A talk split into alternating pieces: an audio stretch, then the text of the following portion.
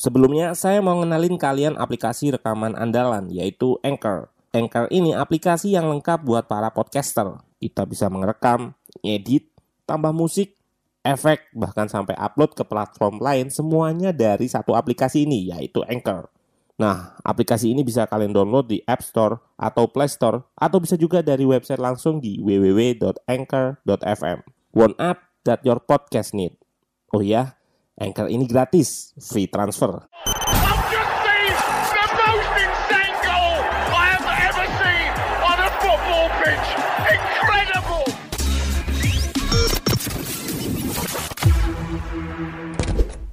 Hari ini kita mau ngobrol-ngobrol akan bahas sesuatu yang uh, lagi ngetren di dunia sepak bola nih, yaitu tentang formasi 325. Di sini udah ada Mas Wendy, Halo. Zikri, analis dari Sulut United. Ada Fayat, baru lulus nih, tapi masih analis di Akademi Persija. Coach Patrick. Waduh, panggil coach lagi. Dan tentu saja sudah ada Mas Noval, analis di PSS Sleman ya Mas. Kompetisi kan ditunda lagi. Sekarang kesibukannya apa tuh Mas? Kesibukan sekarang ngisi ini apa namanya? Kelas. Jadi kan karena sekarang PPKM nggak ada Hmm. latihan. Sekarang kita latihannya virtual. Ada sesi latihan fisik untuk pemain, ada sesi analisis taktik juga. Jadi ngisi bagian kelas analisis itu. Oke, eh, daripada berlama-lama kita mulai aja deh. Kita membahas tentang attacking shape 325. Mungkin Mas Noval deh yang eh, paling senior. attacking shape itu apa ya? Dan bedanya sama formasi apa sih? Ah, formasi itu kan tatanan dasar ya. Tatanan awal tim. Jadi misal dia mau main dengan berapa defender, kiper kan satu pasti. Berapa midfielder, berapa winger yang dipasang, strikernya berapa. Terus apakah midfieldernya itu ada dua gelandang bertahan, satu gelandang serang, nah semacam itulah. Itu formasi dasar. Nah, ketika main di lapangan, itu kan eh, situasinya kan jadi berbeda tuh. Ada momen ketika dia bertahan, ada momen ketika nyerang. Ketika dia pegang bola kan bisa jadi mungkin dia yang pakai fullback, fullbacknya naik ke atas, itu kan jadinya enggak empat lagi di belakang. Jadi misal dia pakai empat di belakang dengan dua stopper, dua fullback, dua fullbacknya naik ke atas kan jadi dua stopper tinggal. Hmm. Dan fullbacknya naik mungkin dia naiknya di tengah jadi eh, bareng midfielder mungkin jadi 262 atau mungkin jadi formasi lain itulah. Attacking shape jadi formasi struktur, istilahnya struktur kalau kita pakai di PSS Academy itu struktur yang kita gunakan ketika kita pegang bola. Mau tanya nih Mas, kan sekarang tim banyak banget yang main 3 back gitu. Dengan berbagai variasinya lah. 3-4-3, eh, ya 3-5-2 tadi, dan hari ini kita membahas 3-2-5. Eh, bahkan udah banyak tim yang bisa dibilang sukses gitu pakai struktur menyerang 3-2-5 kayak misalkan Italia atau Chelsea atau misalkan Manchester City dan segala macam. Keuntungannya apa sih Mas kalau menyerang dengan struktur 3-2-5 tuh? Eh, sebelum mulai ini sambil Iya. aku nata ulang, tadi Hmm. mau eh, apa namanya? Mau revisi dikit. Jadi Oh, yang iya. tadi 325 sama 352 Heeh, itu beda karena di 325 Hah? itu kan dua gelandang bertahan tuh. Iya. Terus ada lima di depan, itu kan eh, masing-masing orang di samping kan dua orang di samping. Hmm. Nah, jadi yang di tengah itu ada tiga. Hmm. Itu biasanya kadang kita sebut dengan 343 tapi beda lah itu. Oh, Nah, kalau di 352, 352 Iya. kan cuma ada dua orang yang di depan. Iya. Base eh, geometri dasarnya itu beda itulah. Oh, oh, karena jumlah pemainnya ya di tengahnya beda gitu ya. Ah, nah terus kita mau Sekarang masuk 325. ke 325. Oh, ini bajunya merah hitam AC Milan nih, Mas, kayaknya nih. Jadi pertama kalau kita bicara soal keunggulan, keuntungan dari 325 ini, itu kan ada lima orang di lini paling depan, Yang biru ya, tim yang Ah. biru kita ya. yang biru. Nah, kan bi- eh, kebanyakan sekarang, bukan kebanyakan, ada beberapa tim yang defend dengan empat di belakang, ada beberapa tim yang defend dengan lima di belakang. Hmm. Nah, kita sekarang bicara pertama lawan tim yang defend dengan empat di belakang. Kalau empat di belakang, kalau kita menggunakan struktur 325, otomatis kan kita punya menang jumlah nih, empat, lima lawan empat di sini. Iya, betul. ya kan. Nah, di 5 lawan 4 ini, unggul jumlah udah pasti menguntungkan. Dan kedua, bakal gampang banget bikin di masing-masing posisi ini. Dua lawan satu. Dua lawan satu. Ini penting banget kalau kita masuk ke latihan. Situasi dua lawan satu itu penting banget untuk dikuasai pemain. Untuk diidentifikasi, dikenali kayak bagaimana memanfaatkannya itu penting banget. Terus kalau misal nih lawannya pakai em, 5 back. lima di belakang, Hmm. kan berarti masing-masing udah kepegang satu-satu nih, Iya. satu lawan satu. Nah, keunggulannya ada di mana? Keunggulannya itu ada di area ini. Karena di sini sekarang yang press yang tadinya itu cuman, yang tadinya kalau pakai empat kan empat back kan ada eh, Enam orang enam orang, ya? enam Iya. orang di atas. Nah sekarang berkurang jadi tinggal 5. tinggal lima ini, Hmm. lima orang, lima lawan lima. Biasanya kan ketika build up kan kiper ikut, ikut terlibat tuh. Bisa ikut ya. Ya, Hmm. ini udah enam lawan lima. Oh. Tapi selain itu juga ini tidak gampang buat si kalau misal nih lima lawan lima kita kurang jumlah orang nih. Kita pengen nambah punya keunggulan jumlah buat lawan lima ini. Hmm. Satu orang ini ikut drop ke sini buat bantu overload si nomor 10 ini. Ini kan tidak gampang buat si nomor tiga ini Untuk untuk, ikut ikut naik. press ke atas. Hmm. Kalau dia ikut ke atas, kan otomatis ada space di sini. Hmm. Nah ini kan bisa Oke. dipakai buat run behind oleh pemain-pemain di sekitarnya. Hmm. Jadi kan berbahaya. Kalau koordinasinya tidak bagus, itu berbahaya. Seperti itu. Itu keunggulannya dari keunggulannya dari si 325 ini. Eh, kalau di PSS eh, juga pakai ini kah Mas Eh, sebagai eh, bola dasarnya atau Pola dasarnya bukan 325, pola dasarnya Hmm. dari 4141 433. Nah, tapi ketika kita pegang bola, kita Iya. pakai 325 ini. Oh, jadi nggak harus formasi itu formasi awal bisa macam-macam, tapi ketika attacking shape lagi-lagi bisa diubah gitu ya jadi 325. Ah, Hmm, oke oke. Nah, sekarang coba saya mau ke Zikri dulu atau Fayat nih. Zik, lu kan fans Chelsea nih. Chelsea kemarin juga juara gitu pakai 325. Ada nggak eh, gimana sih si Chelsea ini pa- pa- eh, pakai 325 tuh kayak gimana? Ah, Chelsea ya Chelsea juga semenjak Tuchel masuk ya Iya. main dengan formasi dasar Hmm. 3-4-3. Nah, ya, 3 back. Ya formasi dasar 3-4-3 tapi ya ketika menyerang si wingback ini akan naik gitu sehingga di depan jadi ada jadi ada 5. Jadi Oke. yang membentuk ya shape yang akan kita bahas sekarang ini 3-2-5. Hmm. Kalau Chelsea dinamikanya seperti ini, tapi nanti kita bakal bahas juga kan di akhir soal tim-tim lain yang dengan formasi lain tapi Hmm. bisa membentuk shape ini juga gitu. Nah kalau Chelsea memang dengan 3-4-3 ya natural aja sih memang ya wingbacknya naik, Wingbacknya naik gitu wingbacknya ya. naik sehingga ya nah, sehingga di depan membentuk 5 gitu.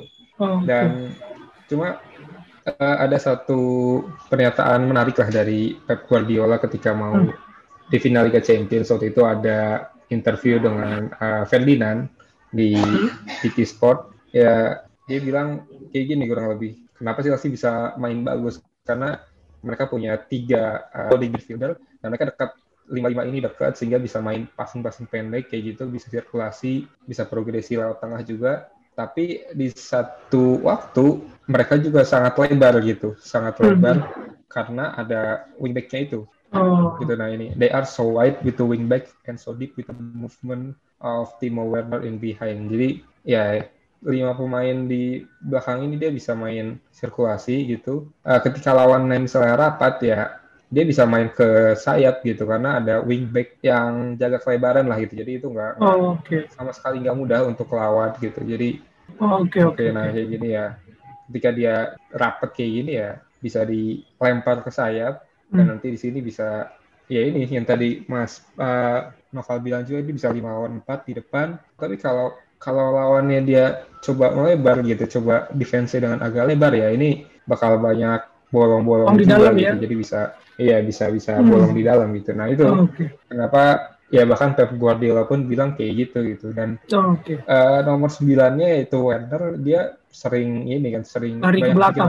behind jadi lari ke belakang lini dan jadi ya garis pertahanannya nggak bisa terlalu rendah dan nggak bisa terlalu nggak Tinggi bisa terlalu juga ya? tinggi sorry nggak bisa Hmm. terlalu tinggi juga gitu karena akan beresiko juga jadi Oke. bisa banyak space lah di ruang antar lininya gitu Oke.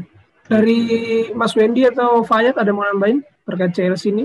Eh, yang menarik sebetulnya dari 325 ini sebetulnya kan eh, pengulangan ya, pengulangan taktik ya. Kalau kita Hmm. lihat sejarah taktik itu, He- Haver Chapman, Chapman itu waktu di Arsenal waktu kejayaannya juga pakai yang sama 325 atau WM uh, WM formation. Tapi perbedaannya mungkin dari teman-teman yang udah sampaikan tadi, ya kalau di apa masa lalu itu atau yang taktik-taktik lama itu nggak ada dinamika untuk perubahan atau mekanisme perubahan Oh. uh, apa dari 433 ke sini nggak langsung jadi 325 dari dulu ada penyerang dalam terus kanan dalam kayak gitu-gitu ya memang strikernya lima dari dulu backnya tiga tengahnya itu disebut halfback gitu atau halfbacknya itu itu dasarnya dari situ sih ini aku ngasih insight insight lain aja soal, Oh, oke. soal penggunaan taktik yang ternyata berulang gitu digunakan lagi di di era sekarang Oh, Oke. Eh, kembali ke Mas Noval nih. Mas, eh, saya mau nanya. Kayak misalkan tadi di PSS gitu, Mas Noval bilang formasi dasarnya kan 4141. Eh, terus bisa ketika menyerang jadi 325 gitu. Kurang lebih kayak Italia kemarin pas Euro. Mereka kan 4141, 433, lalu ketika nyerang jadi 325. Itu rotasinya gimana ya Mas? Ngubah-ngubah penempatan pemainnya. Beda kan dengan tadi kalau Chelsea kan ya tinggal wingback-nya aja naik ke atas gitu kan. Sedangkan kalau tim yang main 41 4141 atau 433 tuh kayak gimana Mas? Ini dari apa namanya strukturnya, perubahan strukturnya atau dari cara ngelatihnya? Oke, dari perubahan struktur dulu deh yang yang kayaknya lebih simple gitu. Kalau dari perubahan strukturnya yang dilakukan di PSS itu persis seperti yang biru ini. Gimana tuh? Ini ada nomor dua yang masuk di dalam nomor dua itu eh Oh, coba coba mungkin pakai. sorry, ma- maaf Mas, coba mungkin dari 4141 Oh, oke. dulu gitu biar kebayang kira-kira gimana nih. ini kan 141 dasar nih Hmm, atau 433 lah. iya 433. Nah, nomor 8 sama 10 ini, dua gelandang ini Hmm, itu ngambil posisi di ruang antar lini, oke. naik tinggi.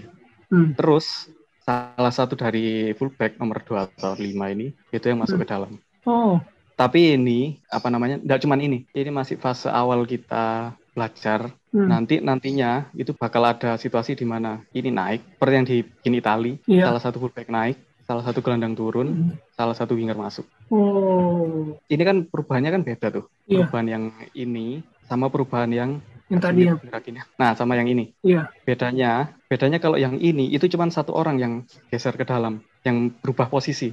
iya eh, back side full back kanannya ya. Ah, cuman si ini nih. Iya. Kalau yang satunya kan stop. Kalau yang tadi Itali ya, Itali. kalau yang Italia itu kan fullback masuk naik, gelandang turun. turun, winger masuk. Oh. Itu itu kan punya kompleksitas yang beda tuh. Cuman Mhm. satu atau tiga orang yang bergeser posisi itu kan beda. Hmm. Itu nanti pengaruh di transisinya juga. Maksudnya Oh. ketika transisi harus balik ke posisi defense. Nah, gitulah. Hmm, jadi beda pun eh, formasi awalnya sama tapi ketika rotasi tuh bisa beda banget gitu ya. Tadi eh, Mas Novel bilang kalau ya sama formasi dasarnya tapi perubahan apa namanya eh, rotasi pemain itu bisa beda. Itu kenapa kira-kira Mas? Apa gara-gara profil pemain kah atau eh, pilihan pelatih kah atau gimana? Kalau di level pro, di level top, itu kan yang dikejar kan hasil tuh. Kalau Hmm. dikejar hasil, dia butuh harus segera menyesuaikan dengan pemain yang dimiliki. Jadi kalau dia Hmm. punyanya fullback yang cuma bisa main di samping ya otomatis main kayak yang dilakukan Italia itu. No. Nah, kalau di level level akademi, si PSS Akademi ini, kan kami kan tujuannya untuk eh, pembinaan pemain, ngajari pemain sesuatu yang baru salah satunya. Nah, fullback ini, eh, misal dia belum bisa masuk ke dalam, ya kita latih untuk main di dalam.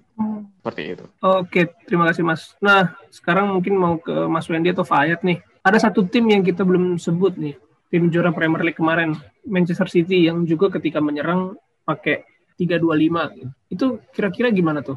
Mungkin ada yang bisa jelasin? Sebenarnya saya mau nambahin juga sih kalau Oh, oke. yang Tambahin dulu memorinya nggak memorinya nggak terlalu jauh juga itu berhasil kemarin juga sama. Danilo Oh. bek kanannya nggak naik, terus yang kiri Renan Lodi naik, terus eh, gelandang sorry gelandang pertahannya dua Casemiro sama Fred eh, di depan itu 3-2-5 juga itu salah satu contoh. Tim lain juga menggunakan yang sama, artinya memang shape apa struktur 3-2-5 ini juga dipakai banyak tim gitu. Mungkin kalau Man City, Fayat mungkin ada perbedaannya karena nanti mekanismenya. Silakan ya. Eh, izin share screen. Oh, mantap. Jadi kalau City sama 325, tapi mungkin eh, rotasinya berbeda ya karena Ramo menyesuaikan profil dia punya winger Sterling dan Mahrez yang sangat baik di area lebar, situasi satu lawan satu terisolasi Jadi mereka sangat uh, banyak digunakan Pep di area lebar dan tentunya juga uh, mungkin Pep punya filosofi tersendiri yang dia sering pakai winger di, yang pelebarannya itu di atas karena mungkin tujuannya untuk merenggangkan backline lawan juga. Sementara ntar uh, tiganya biasanya ini full back kiri Joao Cancelo biasanya masuk, kemudian uh, dua dua nomor 8-nya Gundogan dan De Bruyne itu lebih tinggi. Kemudian di sini ada ada Rodri, ini Cancelo, mungkin lapor karena dia kaki kirinya bagus dia main di kiri. Ini Johnstone dan ini Kyle Walker. Hmm. Variasinya juga kadang kadang juga jadi 2-3-5 Cancelo, uh, Rodri dan Walker di tengah, kemudian ini di belakangnya ada Lapor dan uh, Johnstone. Hmm. Tapi kalau dia 3-2-5 biasanya biasanya begini. Uh, kalau nggak salah tuh pas lawan Gladbach ya 16 besar Liga Champion dia pakai yang dia pakai yang begini. Oh, Oke. Okay. Dan berapa kali uh, dia nemu Cancelo dan Rodri di belakang cover shadow lawan lewat satu sirkulasi sederhana dan akhirnya bisa progres banyak. Hmm. Gitu kira-kira Pet. Tapi hanya uh, hanya ketika Cancelo main kah uh, back kirinya masuk atau ketika Zinchenko main juga masuk back kirinya? Mungkin kalau Zinchenko bisa ya, cuman uh, yang sedikit berubah biasanya kalau misalkan yang main ini Benjamin Mendy. Oh Benjamin iya. Mendy mungkin ya dia banyak uh, main di luar, cuman uh, ya kan memang dinamis ya jadi bisa aja terkadang dia main di dalam tapi biasanya hmm. uh, pakai formasi ini yang kelihatannya paling memungkinkan itu kalau misalkan Cancelo yang main. Hmm, oke okay, oke. Okay. Oke, nah uh, sebenarnya gue juga mau nambahin sih ya terkait City ya, apalagi City yang di musim pertamanya Guardiola. Aplikasi all-in-one dan menjadi andalan para podcaster buat rekam podcast mereka, namanya Anchor. Pakai Anchor ini, kalian nggak perlu peralatan ribet kayak studio kalau mau ngerekam. Semuanya bisa dari smartphone kalian menggunakan Anchor. Anchor bisa kalian download di App Store atau Play Store. Mudah banget. Di Anchor, kalian nggak hanya bisa ngerekam audio, tapi juga bisa ngedit langsung di sini. Nggak sampai di situ, Anchor juga dapat mendistribusikan konten kamu ke platform lain. Contohnya Spotify, Apple Music, dan lain-lain. Keren banget. Satu aplikasi buat semua kebutuhan. Jadi, nggak perlu aplikasi-aplikasi editing lain. Daripada kalian makin penasaran, mending langsung aja download Anchor sekarang. Oh ya, Anchor ini gratis loh. Oke. Okay. Oke, okay, nah mereka kan ya City kan 433. Ini musim 2016-2017 gitu. Nah, pertama mereka gelandang bertahannya turun. Ini kebiasaannya Guardiola ketika di Bayern. Lalu kedua back sayapnya waktu itu si Zabaleta sama Kolarov masuk Uh, jadi dua-duanya back uh, full back masuk ke dalam kayak kalau dibayar mungkin Lam sama Alaba. Nah sisanya sih sama kurang lebih sayapnya lebar, gelandang serangnya naik. Ini yang City yang musim pertama Guardiola ya di mana full backnya dua-duanya masuk, gelandang bertahannya turun meskipun waktu itu mereka nggak cukup sukses sih dengan ini. Kayaknya waktu itu uh, mereka hanya peringkat empat kalau nggak salah atau peringkat tiga ya. Tapi gitulah maksudnya kayaknya tiga dua lima ini bukan formasi baru gitu. Tapi memang udah lama dan dan banyak variasinya dan yang nggak selalu berhasil juga gitu ya. Nah mungkin mau tanya nih untuk Mas Noval dulu. Dari formasi tiga dua lima ini kekurangannya kira-kira apa Mas? Kelemahannya sambil share Sebenarnya kelemahannya itu sangat kontekstual ya. Jadi kalau hmm. tergantung situasi, hmm. tergantung pemain yang kita gunakan, dan tergantung kapan penggunaannya. Jadi misal, misal nih salah satunya nih, kalau kita tahu lawan kita pakai uh, formasi atau struktur bertahan dengan tiga pemain depan, tiga pemain depan ini, ini kan tujuh, sembilan dan sebelas itu, yeah. itu kan bakal gampang banget ngepres dengan situasi satu lawan satu seperti ini. Yeah. Nah itu kalau defender yang dipunya si tim biru ini itu tidak bagus uh, dalam build up, tidak bagus dalam handling bola, hmm. dia bakal sangat kesulitan untuk nemu pemain yang di tengah ini. Karena hmm. begitu dia di press dia tidak bakal bisa lihat dengan nyaman orang ini. Hmm. Padahal di situ meskipun di situ menang jumlah ya. Itu. Terus atau mungkin ada situasi lain itu tidak bagus dalam pemain-pemain depannya dalam attack di ruang sempit. Ada situasi misal strikernya itu berasal dari tim-tim lemah, bukan tim lemah apa istilahnya? Tim-tim kecil Iya. Yang kebiasaannya itu main counter attack. Jadi mereka kebiasaan attack di space yang gede, bukan attack oh. di space kecil. Nah, kalau mereka pakai situasi uh, 3-2 3-5 3-2-5 ini dan lawannya itu defender rendah, mereka tidak punya space banyak untuk main buat mereka sendiri. Space-nya jadi kecil sekali. Itu jadi kelemahan buat mereka sendiri. Nah, tapi kalau dari lihat dari geometri paling mendasar, geometrinya nih. Hmm. Pertama di belakang ini cuma ada tiga nih, tiga orang ini. Hmm. Nah, tiga orang ini kalau mereka itu tidak tahu bagaimana handle situasi counter attack cuman bertiga ini hmm. uh, itu bakal kejadian seperti ini itu sering bakal kejadi mudah terserang balik gitu ya Mas ya. Misal bola di direbut merah, Hmm. terus bola di diagonal ke nomor 11 ini. Oke. Nah, kalau kalau nomor 5 ini dia langsung sekali ambil ke 11. Jadi maksudnya dia paksa untuk press ke samping. Iya. Nah, yang bisa balik ke dalam kota ini di depan kiper itu cuma ada nomor dua orang, nomor 3 sama nomor 4. Itu bahaya banget. Hmm. Nah, biasanya kalau situasi satu lawan satu gitu, terus nomor 4-nya ketarik buat cover nomor 5, yang di tengah kotak penalti untuk cover untuk lindung kiper itu jadi cuma satu orang, nomor 3. Ya jadi pada intinya ketika serangan balik kalau dari tiga back itu salah satu ada yang tertarik keluar di bawah tinggal dua gitu ya langsung bahaya sekali gitu ya Mas ya. Nah, itu beda dengan struktur 4 back. Hmm, hmm, hmm. Tapi eh, empat back juga tidak penjamin aman juga kan kalau misal dua full backnya naik tinggi, tapi Hmm. tidak ada yang cover di belakangnya juga bahaya. Memang nggak ada formasi yang paling bagus gitu ya. Jadi Iya. uh, apa pun Selalu- itu formasinya ada kelebihan kekurangannya. Selalu butuh konteks untuk menjudge Hmm. situasi itu. Eh, mungkin ke Mas Wendy atau Fayat atau Zikri sekarang. Kalau dari tim-tim yang udah kita bahas nih kayak misalkan Chelsea atau Italia gitu. Di 325 mereka tuh kelemahannya apa kira-kira? Siapa dulu nih yang mau mau ngomong nih? Boleh, boleh. Tadi Oh, iya. eh, yang dibilang Mas Noval tuh yang paling sering kelihatan itu yang kalau lawan press pakai tiga pemain depan yang ya kan situasinya langsung tiga lawan tiga dan biasanya tiga pemain depan itu kan juga lebih compact dan akhirnya nutup ini nutup opsi buat dia main ke dua gelandangnya itu. Jadi ya akhirnya mungkin fullback, wingbacknya juga harus banyak turun. Artinya kan jadinya orang di depan jauh lebih berkurang dan turunnya itu juga bisa jadi dengan apa ya dengan angle yang nggak bagus. Yang akhirnya dia harus paksa sirkulasi lagi atau terpaksa pakai kaki lemahnya dan ya kita tahu kan eh, kalau opsi sudut passing di area flank kan lebih sempit ya dibanding area tengah atau half space. Jadi mungkin itu biasanya yang eh, kesulitan kalau lawan press pakai tiga. Terus juga biasanya full center back yang di samping itu terkadang kalau misalkan dia terlalu melebar atau terlalu ya misalkan sirkulasi sirkulasi dia bisa tembus bisa pindah arah serangan. Tapi karena dia sudah terlalu melebar akhirnya juga opsinya jadi lebih sempit. Dan lawan bisa antisipasi situasi tiga lawan tiga di sisi jauh gitu mungkin gitu Coach Oke. Patrick Mas Wendy ada mau nambahin Mas Eh, sebenarnya lebih ke tren ya, ke tren taktik untuk yang ada sekarang gitu. 325 itu sebenarnya kan terlalu banyak pemain di belakang. Kayak tadi udah disebut sama Coach Noval kalau lawan dengan blok rendah terus bertahan dengan banyak pemain, maka dia akan kurang pemain juga. Nah, dengan cuman dengan lima pemain depan terus dua gelandang gitu. Nah, ini aku share juga yang ada tren-tren taktik sekarang tuh yang digunakan ya Conte lah, Conte di tahun 2000 berapa 17 ya ya. Nah, ini tiga pemain ini kalau misalkan yang ngepres cuman misalkan timnya bertahan nih cuman satu orang ini kan tiga pemain kan terlalu ini ya terlalu, Terlalu banyak. gitu terlalu banyak pemain gitu. Nah profil-profil itulah kenapa mungkin tiga back disebut juga dulu formasi yang bertahan gitu karena Hmm. tiga pemainnya bakal bertahan tapi ini yang diubah oleh Conte dulu dengan memainkan Aspilicueta di sebelah kanan. Aspilicueta kita tahu back, jadi ketika musuhnya cuma ninggalin satu pressure gitu, nggak perlu gitu, nggak perlu banyak pemain. Jadi Aspilicueta bisa bantu naik. Eh, yang paling ekstrim sebetulnya Chris Wildernya Sheffield United ya. Ini dua center backnya tuh punya kemampuan kayak Aspilicueta semua gitu. Hmm. Eh, di, baik di kiri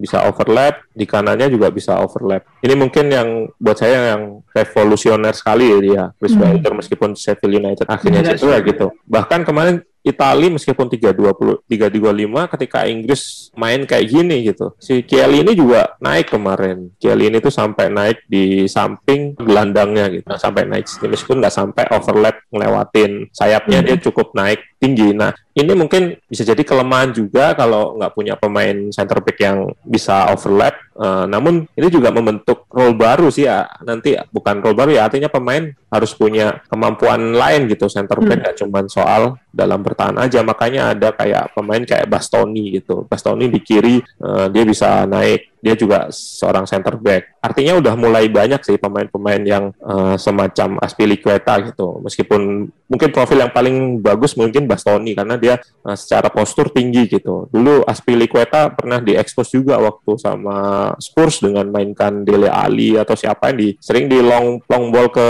sini akhirnya ke expose juga. Makanya sekarang profil yang buat saya yang paling bagus tuh profilnya Bastoni sih karena dia sebenarnya CB juga tapi cukup nyaman gitu dengan bola. kalau Maguire enggak Mas ya?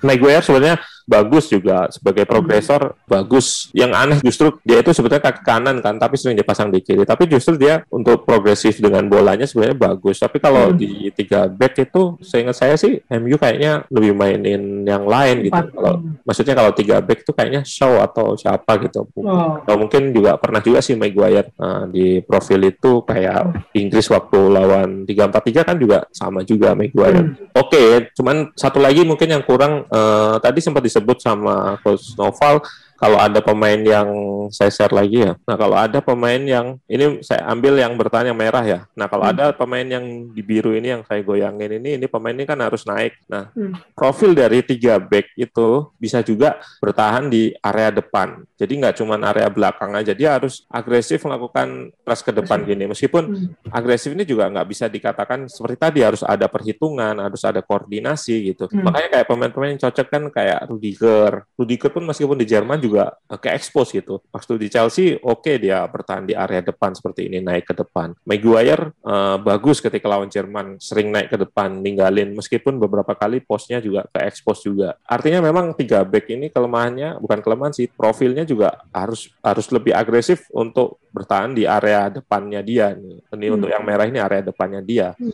Seperti itu. Lebih fokusnya sih lebih ke depan sih kalau menurut saya karena kalau belakang eh, bisa di cover sama back line kayak gitu. Oke, thank you, Mas.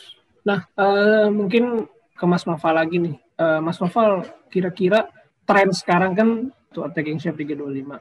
Eh, mau nanya, kira-kira cara menangkalnya eh, adakah shape atau pola main tertentu gitu yang bisa untuk eh, melawan 325 ini atau gimana, Mas? Jadi salah satunya itu kayak yang dibilang Mas Fayed tadi ya. Hmm. Itu melakukan press dengan tiga orang depan ini itu yang compact, rapet. Hmm. Jadi jarak horizontalnya itu deket. Salah satu contohnya itu kayak eh, model pressingnya Liverpool. Hmm. Jadi tiga orang depannya itu deket atau Glasgow Rangers. Jadi dia pressing dengan tiga orang depan yang rapet. Bisa diarahkan ke samping, bisa diarahkan ke tengah. Itu kan tergantung Hmm. mana pemain yang lemah. Hmm. Itu bisa. Tapi ini juga eh, nggak selalu berhasil. Kalau kita lihat belakangan yang dilakukan Conte atau kemarin di Italia Mancini juga melakukannya timnya Hmm. Mancini. Misal bola di nomor 5 ini, dia di press. Terus eh, anggaplah jalan masuk ke dalam ini siapa pun lah udah dikunci, udah ditutup jalan masuk ke dalam ya atau Hmm. back pass. Yang dilakukan eh, itu sederhana banget. Pemain ini bakal turun, bakal turun dia kan diikutin nih. Iya. Nah, bola dipassing ke dia itu bukan untuk dikontrol, untuk dikuasai, eh, untuk dia melakukan one on one, tapi untuk di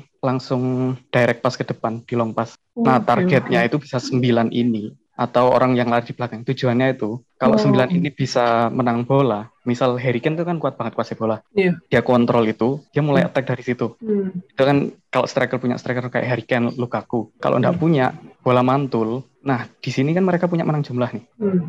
4 Ya, lawan bakal 3 nih. ya. Iya. Nah, itu yang dilakukan eh, Conte pelatih-pelatih Italia itu sering nggak tahu sih, sering atau enggak. Yang aku tahu Conte sama Mancini Oke. itu melakukan ini. Hmm. Nah, tapi intinya, bukan intinya, tiga orang depan ini yang press langsung dengan eh, jarak yang rapat itu bikin sulit karena ini kan satu lawan satu semua. Iya. Nah, sisanya, sisa opsi sisanya itu, itu juga harus di situasi satu lawan satu opsi untuk keluar winger ini 11 sama 7 ini kan satu lawan satu sama fullback. Iya. Nah, kalau tengah ini kan tergantung gimana eh, pergeserannya tuh. Hmm. Nah, kalau yang attack ini tidak kuat satu lawan satu, ini bakal kesulitan banget untuk keluar dari situasi ini. Oke. Gitu. Oh, Ini ini menarik juga ya, maksudnya melihat juga tren bertahan yang belakangan ini banyak lagi pakai man to man gitu mas ya. Jadi secara nggak langsung juga ternyata bisa untuk menangkal si 325 ini. Ya, Apalagi dengan Eh, tim-tim yang mungkin nggak eh, nggak semua pemainnya bagus. situasi satu lawan satu itu penting banget eh, untuk waktu kita nyerang, waktu kita pegang bola, tim pegang bola untuk keluar dari pressing. Jadi meskipun pakai struktur apa pun, kita punya keunggulan jumlah seperti apa pun, tapi kalau handling satu lawan satunya tidak bagus, bakal sulit untuk keluar dari situasi pressing. Pemain harus kuat satu lawan satu pegang bola, nah, atau satu lawan satu defend. Eh, ada tambahan lagi eh, mungkin seperti yang dilakukan Inggris ya. Jadi saya kemarin nyebut kalau yang dilakukan Inggris itu yang ciptain situasi satu lawan satu dengan mengubah formasinya jadi eh, tiga back gitu. Jadi yang dilakukan Inggris tuh misalkan yang biru ini Itali dengan 3-2-5, Inggris eh, ngubah formasinya juga dengan tiga back. Tujuannya untuk. Mirroring itu tadi mirroring mempersama meskipun secara di atas kertas 433 sama 343 itu enggak bukan mirror itu tapi eh, kalau dilihat shape-nya dalam bertahan dan menyerang itu ketemu gitu. Kurang lebih sama ya. Iya, Ketemu ya. jadi tiga empat tiganya Inggris kan empat tiga yang warna Inggris, yang biru Itali lawan tiga dua lima Inggris apa Itali menyerang dengan tiga dua lima kayak gini. Nah fullbacknya Inggris turun ketemu eh, yang samping terus kayak gini ini turun. Nah Hmm. akhirnya juga tujuannya sama seperti yang disebut tadi tuh dapat situasi satu versus satu gitu. Meskipun Inggris kemarin tiganya ini nggak ngepres ke depan justru malah menunggu gitu lebih nunggu ke sini gitu. Lebih nunggu eh, ngisolasi dua center eh, dua gelandangnya Itali gitu. Eh, secara prakteknya seperti itu. Tapi eh, tujuannya sama sih seperti ini untuk nyiptain situasi satu versus satu terutama di belakang. Kira-kira itu mungkin ya kita udah bahas banyak dari attacking shape 325, eh, kelebihannya, kekurangannya, terus praktek berbagai tim gitu. Ada lagi yang mau ditambahkan atau mau disampaikan, Mas Noval mungkin? Tambahan sedikit soal tim luar yang pakai 325. Iya. Kasus menarik itu dari Liverpool. Jadi mereka sebenarnya enggak 325 itu enggak selalu 325, tapi momen-momen tertentu aja dia bikin 325. Kalau dulu tahun kemarin kan masih ada masih ada Wijnaldum tuh. Iya. Nah, itu kadang di belakang itu sisa dua stopper, misal Van Dijk dan Joel Matip atau siapa pun. Hmm. Nah, eh, si Wijnaldum itu bakal geser ke samping itu. Sama Robertson kan naik, Iya. dua-duanya kan naik tinggi. Iya. Nah, si Wijnaldum itu bakal geser ke misal sisi kiri, Hmm.